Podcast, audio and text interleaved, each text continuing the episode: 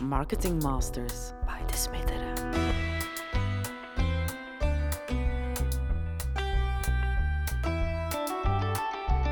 Marketing-experten aan het woord.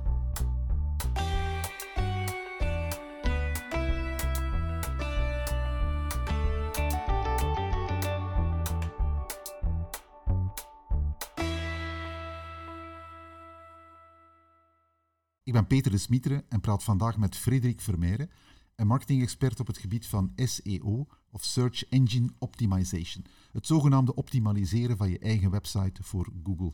Dag Frederik. Hallo, dag Peter. Frederik, jij bent zaakvoerder van Visio, een marketingbureau dat bedrijven begeleidt naar een hogere score in Google. Kun je even toelichten wat jij en je collega's precies voor klanten doen? Visio is een marketingbedrijf en de naam komt eigenlijk van een dubbele V. We hebben eigenlijk een dubbele visie. De eerste is vooral via zoekmachine-optimalisatie, niet betalende zoekmachine-resultaten, uh, bezoekers naar je website te gaan leiden. En de tweede visie uh, dus uh, de tweede V is dan eigenlijk om die ook te laten converteren. Het is heel leuk dat je heel veel bezoekers hebt, maar als die niet converteren, dan heb je iets misgedaan natuurlijk. Dus een, uh, een, dubbele visie en de focus natuurlijk op SEO. Dat is het belangrijkste. Wij gaan met ons team gaan focussen op zoekmachine-optimalisatie. Dus jullie zorgen dat er meer bezoekers naar de site getrokken worden en dat die ook converteren van bezoekers in klanten. Ja, Klopt, inderdaad.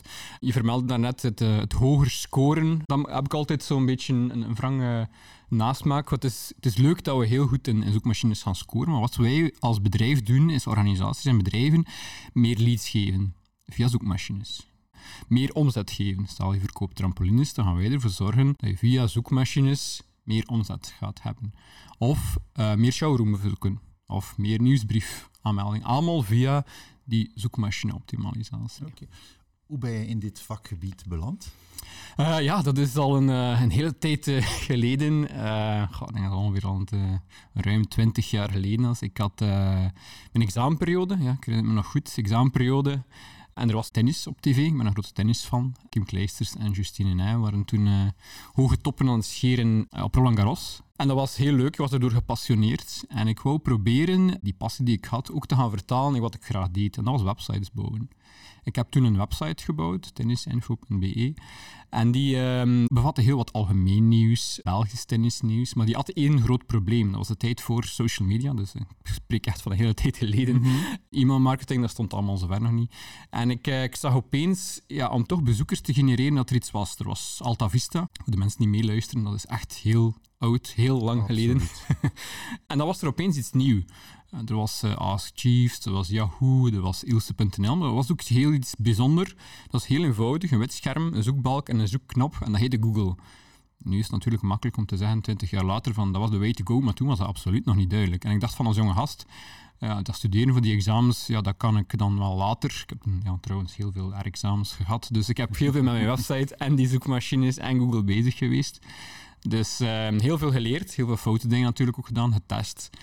Om uiteindelijk te starten als developer. Omdat eigenlijk vanuit SEO kun je vanuit twee manieren gaan benaderen. Ofwel wil je als marketeer of als communicatiespecialist meer de technische kant van SEO leren kennen. Of omgekeerd zoals ik. Als developer wil ik meer het creatieve kantje van websites, user experience, hoe wordt mijn website het beste opgebouwd, hoe is die mobile friendly. Meer de technische kant van websites uh, leren kennen uh, uiteindelijk ook. Je schreef over het vakgebied SEO ook al een boek. Uh, zeer toegankelijk, zeer aan te raden trouwens. Maar misschien kun je voor de mensen die, die luisteren en die, die niet zo vertrouwd zijn met het begrip SEO, je bent natuurlijk, je zit echt heel diep in dat vakgebied. Je werkt voornamelijk voor grote bedrijven, die kennen, dat, uh, die kennen die term ook. Voor veel KMO's is het misschien nog niet altijd even duidelijk, maar kun je de term SEO even gewoon gewoon begrijpelijk uitleggen wat het precies betekent? Ja, klopt. Dat, vind ik wel een belangrijk. Want ik zeg altijd, als je het niet aan je schoonmoeder kunt makkelijk uitleggen wat wij doen, dan ga je het straks aan een CFO van een groter bedrijf of een uh, CEO van een uh, KMO ook niet kunnen gaan uitleggen. Eigenlijk wat wij doen is vanuit zoekmachines, Google, we hebben uiteraard Bing, maar die heeft een heel laag marktaandeel. Daarin worden, ik heb de cijfers vorige week nog gezien, 3,7 miljoen zoekopdrachten per dag gelanceerd. En wij zorgen ervoor, je hebt twee onderdelen in, in, in zoekmachines. Bovenaan de advertenties, dat is niet onze cup of tea uh, in eerste fase. Het zogenaamde SEA, het, Ja, het ja. advertising Klopt, stuk. ja. klopt, klopt, inderdaad. Dus dat is in de eerste positie. Google is natuurlijk een commercieel bedrijf. Die gaat natuurlijk die advertenties in veelvouden tonen. Niet één advertentie, twee, drie, soms in eh emo-business of in jobs-business, soms vier advertenties. Wat wij dan gaan doen, is vanuit die natuurlijke zoekmachine-resultaten, dus zonder advertising, zoals je zegt, Peter, eh, gaan wij proberen websites zo goed mogelijk te gaan optimaliseren. En er zijn eigenlijk drie pijlers die ervoor zorgen waarom nu een website op de eerste natuurlijke positie staat, of eerder toch op de achttiende positie in, eh, in Google. Maar hoe werkt Google nu precies? Hoe bepaalt Google die ranking van een bedrijf in de zoekmachines? Ik neem aan dat niemand het bedrijfsgeheim van Google weet of hoe het algoritme in elkaar zit. Eh, maar kun je toch even toelichten van hoe, hoe gebeurt dat juist? Google bezoekt die site dagelijks, wekelijks, meerdere keren per dag. En hoe doen zij dat? Hoe bepalen zij die zoekpositie? Google, het is een beetje een, een black box. Het is een beetje zoals Coca-Cola recept. Een paar mensen bij Google die echt weten hoe het algoritme gaat werken. Dat is nu in verandering gekomen, want Google heeft vorige week onder druk van de Digital Services Act eigenlijk moeten meer transparant zijn van waarom staat nu website A boven website B. Dus ze hebben zo'n mooie lijst. Dat kan zeker, als je niet vertrouwd bent met digital marketing, nog altijd Chinees klinken. Maar het belangrijkste is dat er drie belangrijke pijlers gaan zijn. Vooral de Google bezoekt je website op regelmatige basis. Als hij niet technisch kan begrijpen over wat je website gaat, of welke pagina's er eh, eventueel te vinden zijn, of welke errors op je pagina zitten, dan gaat het mis. Tweede factor is content. Dus op basis van een zoekwoordenonderzoek gaan we eigenlijk belangrijke contentpagina's gaan, eh, gaan maken. En de derde factor, de pijler eigenlijk, is eh, linkbuilding. Linkbuilding is belangrijk dat we autoriteit vanop andere websites gaan krijgen. Dus techniek, content en links zijn eigenlijk de drie belangrijkste drivers voor een goede of een hoge positie in, eh, in Google. Ja, inderdaad. Dus ehm, mensen vragen aan mij, ja, stel ik heb 100 euro, geef ik dan 33 euro aan mijn webbouwer, want die is verantwoordelijk voor de techniek, 33 euro aan mijn content marketing specialist of copywriter en 33 euro aan mijn PR of linkbuilding. Nee, helaas werkt het zo niet. Het begint eigenlijk bij wat ik als eerste pijler heb vermeld, dat is vooral die techniek. Google heeft heel veel crawl-issues, dus dit is eigenlijk een soort van spin die door het internet gaat. En als hij niet in staat is om pagina's goed te gaan capteren, gaat het daar eigenlijk al mis. Ik heb vorig jaar nog een case gehad, ja, 600 mooie blogposts. Dan denk je van SEO, we zijn fantastisch goed bezig. Maar het, het, het framework, die, de technische framework die erachter zat, was totaal niet behapbaar voor Google. Dus die 600 blogposts werden totaal niet gezien door Google. En dat is natuurlijk heel jammer om dat achteraf te weten te komen. Twee websites kunnen er even mooi uitzien, maar de ene kan zeer goed scoren in Google en de andere kan echt een probleem vormen voor Google. Ja. Terwijl wij het eigenlijk van de buitenkant niet zien. Ja, klopt. Ja, het begrip mooi is, eh, is niet echt bekend bij de Google, Google-bot. Google wil vooral begrijpen in HTML en in andere code wat er eigenlijk te vinden is op die bepaalde website. Eh, of dat die nu mooi is of lelijk, dat maakt er eigenlijk niet zo heel veel uit. Er is geen enkele KMO die technisch zo performant is als elke webbouwer. Hoe kun je dat toch een stukje onder, ja, onder de knie krijgen of hoe kun je dat een stukje mee monitoren dat een website technisch goed in elkaar zit? Het begint natuurlijk bij de, bij de keuze van het framework. Het framework waarop dat website is gebouwd. Dat is in de meeste gevallen een CMS, Ja, bijvoorbeeld. content management systeem. Ja, Ja, klopt, klopt. Als we daar naar de usual suspects kijken, Drupal, WordPress, eh, Kraft, eh, zelfs een Wix is nu beter richting eh, SEO aan het evolueren, dan zit je al sowieso aan de goede kant. Zit je met JavaScript, dat is zo het woord die bij SEO'ers nogal wat koude rillingen op de rug kan genereren, dan kan het dus misgaan. Als je onvoldoende tijd, resources, geld erin gaat investeren om die website uiteindelijk goed vindbaar te gaan, eh, te gaan maken. Dus websites die op maat gebouwd zijn en waar JavaScript in zit, die vormen een gevaar voor, voor Google. Dus je, Ja. je doet beter beroep op de, de grote platformen om een, om een website te bouwen of te laten bouwen. Ja, niet noodzakelijk. Het kan ook met JavaScript, maar dan moet er voldoende tijd zijn om die ook te gaan renderen. Even wat dieper gaan op SEO, te gaan renderen voor Google. En als die tijd, budget, hebben we vorig jaar eh, gehad, niet is meegenomen in een budgettering, ja, dan gaat het inderdaad compleet mis. Maar als je inderdaad als KMO zegt van ik wil hier echt wel SEO-proof gaan zijn en ik wil crystal clear iets out of the box gaan krijgen, ja, kies dan een Drupal, WordPress of, of eventueel een eh, op maat gemaakte, de, dat je zeker bent dat er weinig JavaScript in aanwezig is. Dus dat is toch een aanbeveling die je naar je, of, of een check die je kunt doen op je webbouwer, om toch zeker eens te vragen met welk platform Ja, de website ge- gebouwd is. En als een van die namen dan tevoorschijn komt, dan kun je toch al een stukje met een gerust hart je webbouwer aan het, eh, aan het werk Klopt. laten. Klopt. Een, een, korte check die ik er altijd heb, ik gebruik heel veel Chrome-extensies. Dus binnen Chrome heb je een aantal extensies dat je kunt gaan gebruiken. En eentje daarvan is bijvoorbeeld Webalizer. Die kunnen mensen installeren in Chrome. In Safari en Firefox zal dat iets minder werken. En dan kun je heel snel checken in welke technische framework is mijn website uiteindelijk gebouwd. En dan krijg ik al als SEO al heel snel een blik op, ja, gaat dit nu de goede kant op of gaat dit nu eerder toch wel een moeizamere kant op?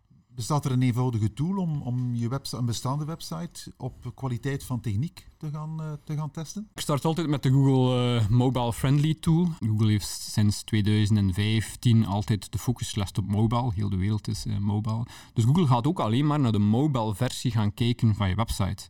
Het is heel leuk dat hij er fantastisch uit ziet op desktop, maar met de Google Mobile Friendly Tool kan je eigenlijk gewoon je URL uh, gaan ingeven en kun je op een, knop, een magische knop gaan drukken en eigenlijk gaan kijken van ja, maar wat vindt Google nu eigenlijk van mijn mobile versie van mijn website. En dat geeft meestal een goede indicatie of dat we daar al verkeerd zitten of toch eerder aan de juiste kant. Oké. Laten we even op die content uh, doorgaan, want dat is toch iets waar uh, KMO's dan vaak mee beginnen. Dus mm -hmm. de site komt online, je krijgt die gepresenteerd van je webbouwer ja, de techniek, dat is, dat is achter de rug. Daar heeft die KMO meestal geen, geen aandacht voor. Stel, die is goed.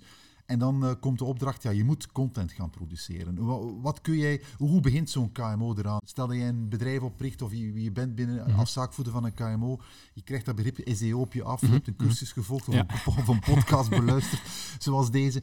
Maar hoe, hoe begin je daaraan?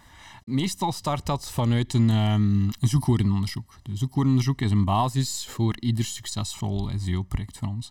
Als we niet weten op wat onze doelgroep gaat zoeken, of toekoer, misschien zijn we nog een stapje daarvoor, wie is onze doelgroep, Absoluut. dan moeten we uh, eerst goed gaan, uh, gaan vastleggen. Het liefst krijgen we persona's. Ah, ik wil een, een architect gaan uh, proberen zoekwoorden te gaan vinden wat die architect specifiek in zoekmachines gaat intikken. Of het is meer een B2C-persona, of ik wil iemand die trampolines koopt. Wat zijn de drivers van die persoon? En dat stelt ons in staat om een zoekwoordenonderzoek te gaan doen. En dan kunnen we gaan kijken, via specifieke tools die wij gebruiken, op wat zoekt u nu? En vooral hoeveel. Ik had um, een tijdje geleden een CEO en die dacht dat uh, op een bepaald woord heel de wereld zocht. Ik heb die, dat zoekwoord door die specifieke toegehaald en daar kwam helaas uh, toch wel iets ronde cijfer van nul uit. Dus er zocht eigenlijk niemand op die term. En dat is natuurlijk de basis om van dat vakjargon-term die we allemaal gebruiken bij KMO's, toch iets ja, meer menselijker te maken. Wat gaan mensen nu uiteindelijk van onze doelgroep gaan intikken? Ja, dus eigenlijk de eerste vraag die je eigenlijk moet stellen is, uh, wat tikt mijn doelgroep in Google in mm -hmm. om naar een ja. product of een bedrijf als mij op, uh, op zoek te gaan? Nu, jullie hebben waarschijnlijk ja, professionele tools. Is dat voor een KMO toegang? Kan een K hoe kan een KMO zoekwoorden onderzoek op een eenvoudige manier gaan doen? Ja, dat kan uh, super eenvoudig. Gaat naar google.be of .com. Je gaat een bepaald zoekwoord in gaan tikken, uh, bijvoorbeeld uh, trampolines, zeg maar iets. En dan ga je een spatie tikken na het zoekwoord. En dan gaat Google, dat heet de Google Instant Search, eigenlijk al heel wat suggesties gaan geven van mensen die ook in zoekmachines bepaalde termen hebben uh, ingetikt. En daar kan je eigenlijk al een idee krijgen op wat je, ja, je persona's, dus eigenlijk je doelgroep van je website op gaat zoeken. Dus je tikt trampolines, spatie, ja. en dan komt er een drop-down tevoorschijn. Voilà. Ja. En dat geeft meteen al een indicatie ja. wat mensen allemaal intikken. Dus dat is al een heel, eenvoudig, een heel eenvoudige manier. En dan kun je er een Excelletje van maken. Dan begin je daar, uh, maar dan heb je nog geen getallen. Dan zie je nog niet uh, hoeveel keer nee, het gezocht wordt natuurlijk. Klopt. Een tool die wij heel frequent gebruiken is KW Finder. Dat is een tool, ik denk 30, 40 euro per, per maand. Van Keyword Finder. Ja, inderdaad, inderdaad. En daar kunnen we eigenlijk gaan kijken hoeveel volumes een bepaald zoekwoord heeft. Maar die tool is zo leuk dat je ook meteen de concurrentie aan de rechterkant ziet staan. Je ook misschien de top 10 van dat bepaald zoekwoord ziet staan. Je ziet er zelf ook Google Trends in. Is het een populaire trend die in de loop der tijd aan het stijgen is qua zoekvolume of aan het dalen is? Is het niet gevaarlijk om enkel op de hoge volumes te gaan kijken? Want het kan dan een tijdje duren voor je scoort daarop. Want ja. er zit dan meestal ook veel concurrentie op. Hè. Als, ja, ja, ja. als ik als bureau op marketing zou willen scoren, dan gaat mij dat maanden of jaren duren. Ja. Uh, inderdaad. In dat zoekwoordenzoek heb je drie typen zoekwoorden. Je hebt het, het, het head- of short-tail zoekwoord, zoals gezegd, marketing. Heel breed. woord bijvoorbeeld. Ja, ja. heel breed. Heel veel concurrentie. Ik gebruik altijd in mijn opleiding het woord uh, schoenen. Gaan we daar dan als, als kleine lokale zaak of, of toch een, een keten van een aantal mooie zaken boven Zalando gaan scoren? Ja, dat wordt heel lastig. En dat gaat ook moeilijk zijn. Dus dat short of headtail zoekwoord is kort en heeft heel veel zoekvolumes. Dat is natuurlijk heel verleidelijk. En ik zie heel veel bedrijven toch neigen naar dat zoekwoord. Maar dan is het mijn taak als SEO'er om in te gaan schatten dat we toch, ja, zoals Zalando, ja, toch tien SEO'ers of misschien zelfs een groter team gaan moeten inhuren om dat te gaan verwezen. En dat is soms zelf onmogelijk. Want ook het aanbod is belangrijk. Google gaat vooral die websites gaan voortrekken. Waarom? Omdat die een groter aanbod hebben qua schoenen dan bijvoorbeeld een lokale schoenenzaak op de hoek van een straat bijvoorbeeld. Het tweede zoekwoord is mid- en longtail. Dat zijn zoekwoorden die iets langer zijn, bijvoorbeeld uh, blauwe schoenen, waar minder zoekverkeer op gaat zitten en die waar ook minder concurrentie op gaat uh, aanwezig zijn. En natuurlijk, waar we denk ik het snelst in slagen om resultaten te gaan zien, zijn vooral die longtail zoekwoorden. Dus bijvoorbeeld die, die, die blauwe schoenen met hak, ja, dat zijn dan uiteraard die zoekvolumes liggen lager, dat is, minder, ja, dat is minder leuk om voor te stellen in presentaties. Ja, dat is ja, wat moeilijker. Maar ik zeg altijd, ja, het is vooral heel veel werk, SEO. Het is geen, uh, het is geen sprint dat we aan het lopen zijn. Het is vooral een marathon dat we straks moeten gaan lopen met, uh, met SEO. Dus die focus op longtail zoekwoorden is wel een eerste fase voor bedrijven de eerste stap in de goede SEO-richting. Het is beter om eerst daarop te mikken, om daarop te scoren, omdat het dan ook weer motivatie geeft om op de andere te gaan. Uh, ja, klopt. klopt. Ik wil naar die, naar die derde pijler, want die is voor vanuit mijn praktijk zie je dat veel KMO's dat dat zo'n beetje een zwarte deur is, die linkbuilding. dat is voor de meeste, meeste KMO'ers echt, die, die zien daar heel weinig mogelijkheden om links te gaan. Wat kun je daar aanbevelen om aan linkbuilding? Dus het gaat er eigenlijk over, je moet vanaf een andere site een link naar je eigen site en dan liefst ook een, een relevante link hebben. Het moet allee, binnen je sector of binnen je vakgebied zijn. Ja, het is een beetje als een soort stem die je krijgt voor je, voor, je website. Maar hoe, um, ja, hoe kun je daar eenvoudig aan beginnen? Ja, het is inderdaad een beetje een stem uh, die je krijgt. Je moet een beetje zien zoals in het stemhokje. Je krijgt een bepaalde stem. En dan gaan we ervan uit dat iemand die veel stemmen krijgt, autoritairder is dan iemand die bijvoorbeeld wat minder stemmen gaat krijgen. Het woord linkbuilding gebruik ik nog, maar ik gebruik meer de algemenere term autoriteit. Linkbuilding was soms al een keer wat negatiever benadeeld. En er zijn ook heel wat technieken zijn die, die, die wat minder uh, daartoe aansluiten. Maar autoriteit is eigenlijk het opbouwen van relevante websites en liefst dezelfde thema's. Dus het heeft geen zin om vanuit mijn voetbalclub website een link te gaan leggen naar die mooie trampoline website. Dat heeft geen zin. Is niet thema gerelateerd. Google is bezig met zelfrijdende auto's en die snapt ook dat een trampoline niet hetzelfde is als voetbal. Maar inderdaad, dat is de moeilijkste. En daar zien we ook vooral dat er heel veel hulp natuurlijk nodig is. Uh, bij de iets grotere bedrijven gaan we natuurlijk de, de public relations cel uh, of de mensen een keer gaan aanspreken. En, want zij zorgen ervoor natuurlijk voor dat er persberichten en een nieuwe, nieuw aanbod uh, naar de wereld gaat. Maar voor andere bedrijven is het soms moeilijk. Een eerste concrete tip dat ik kan geven is: Google gewoon is je bedrijfsnaam. En scrollen is toch wel, mag dat nu wel een keer doen, de eerste 5 à 10 pagina's van je eigen bedrijfsnaam. Je gaat zien dat je bedrijfsnaam daar wordt vermeld zeg maar iets, op de economiepagina van Gent. Omdat die een lijst heeft met bedrijven die uh, trampolines verkopen of bepaalde diensten gaan aanbieden. Als jij daar natuurlijk als bedrijf niet gaat tussenstaan, is dat een hele no-brainer om even Stad Gent een mailtje te gaan sturen en te vragen om daar tussen te gaan staan. En zo bestaan er heel veel lijsten, overzichtspagina's, waar je eventueel tussen kan gaan staan. Ja, beginnen met portaalsites, lijstjes, websites en, en, en zo. Dat, uh... Ja, lijstjes, websites, dan denk ik altijd aan die ultra lelijke startpagina.nl van ja, uh, toen ik twintig jaar was. Um, wat dat mijn target is, is vooral lijstjeswebsites waar ook mensen langs passeren. Helaas, op die startpagina.nl, ja, daar passeren niet heel, veel echte mensen. Op die mooie overzichtspagina van een overheid of, of, of een stad of, of een verzamelbox, blog, website, daar komen wel mensen langs. En dat is mijn visie op linkbuilding. Uiteraard liefst autoritaire websites met een duwtje in de rug, maar waar langs er ook echte mensen gaan passeren. En ja. klikken natuurlijk. Oké, okay, ja. als ik een uh, KMO in de voedingssector zou hebben en ik kan op een blog van een voedingscoach een vermelding krijgen, dan is dat een relevante link. Dan ja. is dat geld waard. Dat is geld waard, maar het is vooral de autoriteit die daar een belang gaat inspelen. Je kunt dan met makkelijke tools, zoals, zoals mos.com heeft een makkelijke toolbar waar je kunt zien ja, hoeveel autoriteit heeft mijn website. Nu, uiteindelijk kan er wel, zoals je zegt daarnet, heel mooi uitzien en technisch perfect in orde. Maar als die qua autoriteit toch nog altijd aan de lage kant is, dan is die misschien niet zo heel veel geld waard om, uh, om daar even een native content advertising artikel op te gaan, uh, gaan plaatsen natuurlijk. Ja. Ik wil even inzoomen op een vraag die vaak gesteld wordt. Dus wat is het belang van sociale media interactie mm -hmm. op, uh, op SEO? Is er een, überhaupt een, een link tussen sociale media communicatie en het scoren van mijn website in Google? Kun je dat even toelichten? Sowieso moeten we het even wat uitzoomen. We hebben de grote bedrijven, Google, Apple, Facebook. Nu spreken we inderdaad over waarschijnlijk Instagram en, en Facebook. Die hebben ja, op zich, Google en Facebook, ze hebben eigenlijk een eigen strategie. Dus die gaan elkaar ook daar weinig in gaan helpen. Het enige wat kan helpen voor social media, is dat je op een aantal social media kanalen op het publieke profiel, daar heb je wel soms de mogelijkheid om te linken naar je websites. Dus het heeft geen zin dat je vanaf morgen 18 Facebook-postjes gaat maken over nou, je specifieke website. Dat zal niet meetalen. Maar het is wel belangrijk, stel dat je een Pinterest-profiel hebt, je hebt daar een mogelijkheid om een publieke URL van je website in te geven.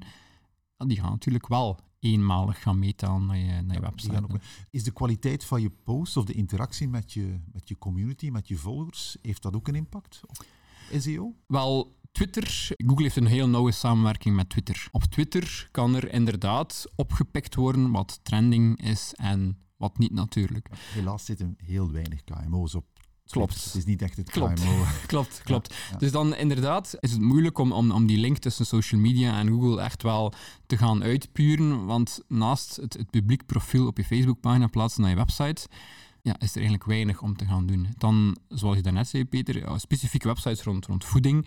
Het is dan misschien interessanter om te gaan benaderen en daar eventueel een link op te gaan plaatsen. Stel, ik heb een uh, lingeriewinkel en ik heb een uh, grote community, 2000 volgers. Ja. Daar zit een he heel leuke interactie op. Mensen liken ja, mijn dingen, ja. die sharen dat. Heeft het feit dat er een leuke interactie op zit ook een impact op mijn website dan?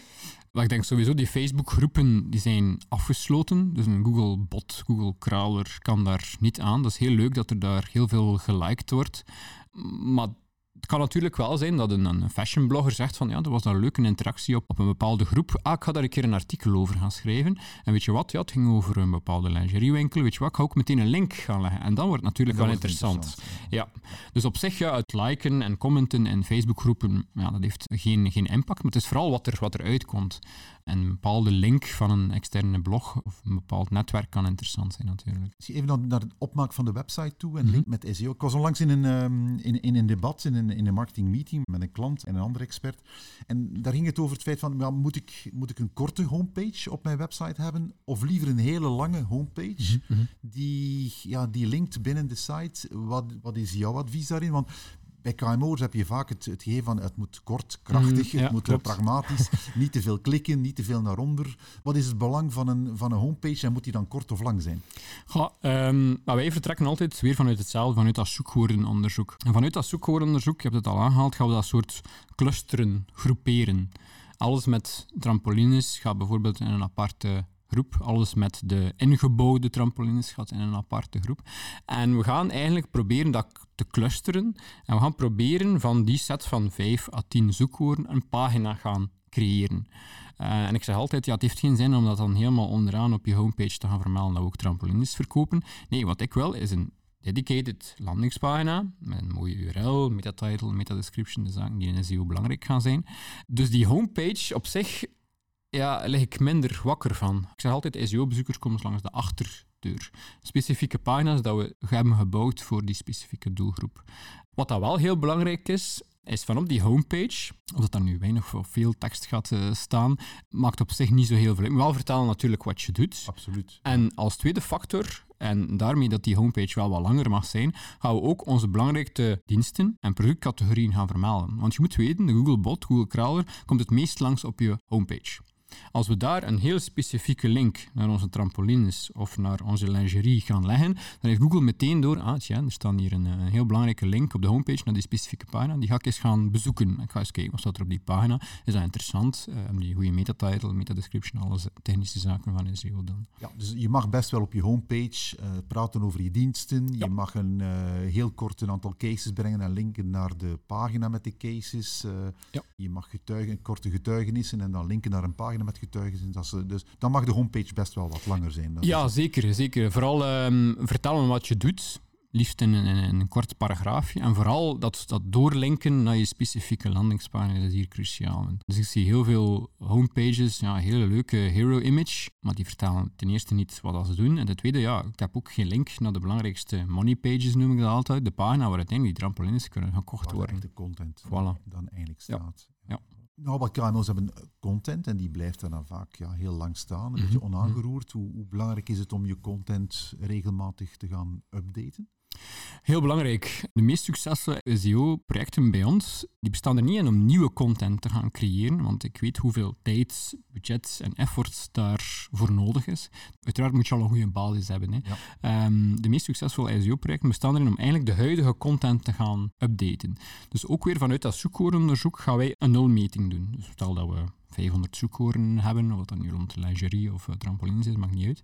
Uh, en we gaan kijken op welke positie staan die zoekwoorden. Nu vandaag. Ja, inderdaad. Dus ik neem altijd in mijn zoekwoorden zo drie factoren mee. Ten eerste, hoeveel keer wordt erop gezocht? Vind ik belangrijk. Ten tweede, waar staan we nu voor dat specifieke zoekwoord? Want ik, ik, geef dan altijd mee in meetings van, stel dat we al deze zoekwoorden op één staan, dan kan ik nu naar huis. Kan ik iets leuks gaan doen, pintje aan drinken bijvoorbeeld. Uh, dus valt er niet te veel optimalisatie te doen. Ja. um, maar een derde factor is vooral, en die wordt zeer weinig meegenomen, hoe belangrijk is dat zoekwoord voor het bedrijf? Hoeveel marge hebben ze eigenlijk op dat specifiek zoekwoord? Willen ze daarin groeien? Of hebben ze dat product? Want ik kan hier vanuit mijn ivoren toren wel een leuk zoekwoordonderzoek gaan doen. Maar als het zoekwoord ja, gewoon niet aanwezig is op de site of ze gaan er nooit iets mee doen, dan, dan blijft dat een, een, iets leeg natuurlijk. Dus die drie factoren. Zoekvolume, waar staan we nu? En hoe belangrijk, hoeveel marge, hoeveel groei willen we op dat zoekwoord gaan eh, hebben. En dat zorgt ervoor, stel dat we er zo 20 clusters hebben, daar gaan we mee starten om een goede pagina te gaan um, optimaliseren. Die is er misschien al, maar die is misschien in 2019. Dus door hem eigenlijk te gaan up-to-daten, nieuwe content toe te voegen, images, video, uh, zorgen dat die interactief is. Zo ook vooral zorgen daar ga ik nu niet diep op ingaan, die search intent en page intent, die ervoor zorgt dat het ook wel duidelijk is, ah, ik tik een zoekmachine uh, zoekwoord in, trampolines, dan moet je natuurlijk geen, geen blog gaan schrijven over hoe dat je die in elkaar gaat steken. Nee, Google verwacht dat iemand die trampolines intikt, dat je een overzicht krijgt van trampolines om te gaan kopen, bijvoorbeeld. ja. ja. En daar, dat zie ik ook al nog veel verkeerd gaan. Mensen denken, ah, ik ga hier in mijn Joost-module van alle soorten zoekwoorden droppen, even fingers crossed en dan kijk ik binnen een half jaar, ja nee, zo werkt het helaas niet. Je moet goed begrijpen, wat wil iemand die dat zoekwoord gaat intikken? Wat wil die zien? Is het een overzichtspagina? Is het een informatiepagina? Is het een categoriepagina? Is het een e-commerce pagina? dat moeten we goed gaan vastleggen in het begin natuurlijk. Ja, wat is een goede opbouw voor content op een contentpagina? Het kan een landingspagina zijn of een productpagina. Mhm. Is dat uh, veel content, weinig content? Is het in blokjes geschreven, lange ja. blok? Ligt daar een evolutie, uh, is daar een evolutie uh, um, gebeurd? Dat is ook weer het, hetzelfde, die zoekintentie. Mensen vragen me, ja, moet het dan 300 woorden zijn of 350 woorden? Nee, dat, dat doet er eigenlijk niet toe. Je moet goed begrijpen, stel dat we het zoekwoord landelijke keukens gaan intikken, wat wil iemand zien? Stel dat we iets schrijven van 300 woorden, die uitlegt hoe je een landelijke keuken kunt gaan zoeken, is dat dan de oplossing? Nee, want dan heb je de zoekintentie niet goed begrepen. De zoekintentie van landelijke keukens is vooral plaatjes. Dus eigenlijk, nu staat Dovi Keukens daar helemaal bovenaan. Je hebt dat goed begrepen. Je hebt een, mooie lijst gemaakt, denk ik, van 50 mooie beelden van landelijke keukens. En daar staan wel geteld acht woorden op. Dus ja, mij vraagt, zijn dat dan 300 woorden, of 500 woorden, of 700 woorden? Frederik, moet dat nog lang? Nee. Zorg gewoon dat je dat zoekwoord begrijpt. En probeer te begrijpen welke pagina je daarvoor moet gaan bouwen. Dus dat is wel goed Ook het belang van beelden, video en zo is, is ook ontzettend, ja, uh, ontzettend gegroeid in, in, in ja, zeker. Google is meer visueel aan het worden. Je ziet dat ook. Hè. Zoekwoord intikt, heb je een keer Google Maps ertussen, je hebt images, je hebt video's ertussen. Dus dat zorgt er eigenlijk wel voor dat het meer... Het is niet meer de saaie blauwe hyperlinkjes van, van tien jaar geleden. Dat is er ondertussen al lang uit. Ja, wat het ook voor KMO's wel makkelijker maakt om dan op SEO te gaan werken. Want het zijn vooral die lange teksten die voor hen een probleem klopt, waren. klopt, uh, klopt. Ja. Het algoritme van Google, hoe vaak verandert dat? Uh, drie keer per dag. Maar zelfs voor mij als SEO'er is dat zelfs moeilijk te zien wat er nu precies verandert. Maar officieel zijn er heel veel kleinere updates. In bepaalde landen, voor bepaalde branches, uh, zijn er updates. Maar, zoals die nu vorige week is gepubliceerd, er is een officiële lijst met algoritme aanpassingen. En dat is natuurlijk wel cruciaal voor ons om die lijst te gaan opvolgen. Stel een bepaalde klant stijgt in zoekmachines, leuk, dan gaan we op hetzelfde inlaan verder. Maar natuurlijk, soms droppen we ook qua zoekmachines. En dan gaan we eigenlijk een keer gaan kijken, was het algoritme of was dat toch iets technisch die aan de website mankeert, of een pagina die verwijderd is, ja, dan moeten we eigenlijk die lijst van algoritme-updates als eerste gaan aanpakken. Ja, wat zie je naar de toekomst toe nog, uh, nog veranderen aan, uh, aan de manier waarop um, Google naar websites kijkt? Uh, veel. Als je bepaalde vragen gaat intikken, dan ga je zien dat het antwoord of bepaalde video's al meteen in de zoekmachines gaan, uh, gaan staan. Dus die term heet de, de zero-click searches. Dus twee zoekopdrachten op drie leveren geen klik op naar je prachtige gebouwde website. Dat is iets waar we moeten mee rekening gaan houden. En dat daalt, uh, dat percentage, dus dat je kliks gaat krijgen, steeds meer. Dus we zijn met heel veel klanten overleg. Ja, dat is leuk. Visio doet een uh, leuk SEO-traject, maar we zien altijd maar de klikken dalen. Hoe komt dat? Is dat omdat Visio hun werk niet doet, of is het toch eerder algoritme van Google? En is uiteraard het algoritme van, uh, van Google die zegt van ja, maar ik wil meer het monopolie van een gebruiker in mijn zoekmachines gaan, gaan houden. Ik wil eigenlijk mijn gebruiker langer in Google houden. Dat is, dat is het idee van Google. Dus al die antwoorden dat je ziet, die, die people, mensen vragen ook, dat je kunt blijven en gaan doorklikken, dat is de strategie van Google. Dus is er ooit al een keer in een boardroom van Google gezegd van moesten we nu een keer geen kliks niet meer gaan sturen naar die prachtige websites? Dat is er al een keer gevallen. Dat kunnen ze natuurlijk niet gaan maken. Dus in SERP SEO, hoe wordt mijn website getoond in de zoekmachines, is de trend voor de komende jaren. Dus ik schrijf prachtige pagina's als copywriter. Google gaat die blijkbaar, zijn het monopolie, copy-pasten in hun zoekmachine. Je kunt er natuurlijk heel sterk tegenin gaan en zeggen van ja, nee, Google, je mag dat niet doen, dat is helemaal fout van jou. Maar we zijn zo afhankelijk van die zoekmachine. Het is ook een heel belangrijk kanaal dat we er eigenlijk niet meer rond gaan kunnen. Nog een laatste vraag, Frederik. Als jij aan KMO's drie tips zou moeten geven mm -hmm. waarmee dat ze snel aan de slag kunnen en die tips die ook duurzaam zijn om een positie in de zoekresultaten van Google te verbeteren. Wat zou je dan aanbevelen? Wat zijn jouw drie toptips? Misschien dat ik eentje pak uit elke pijler. Dan zijn we zeker dat we daar al wat sterker gaan staan. Dus de eerste is inderdaad, ik heb hem net al meegegeven met die uh, bepaalde check dat we kunnen doen van hoe ziet Google nu mijn website. Dus kijken als we een future-proof CMS gaan, uh, gaan hebben. Uiteraard kan je ook bij je webbouwer gaan kijken of dat hij de nodige kennis heeft ook rond, uh, rond SEO, door een aantal cases en referenties te gaan opvragen. De tweede tip die ik zou geven is dat zoekwoordenonderzoek probeer toch in die hoofden van je doelgroep te gaan kruipen en te gaan nadenken, ja, maar wat tikt die nu eigenlijk in? Welk zoekwoord zorgt ervoor dat ik heel veel winst straks heb en dat ik heel gemakkelijk kan optimaliseren? Dus dat is waarschijnlijk een longtail zoekwoord.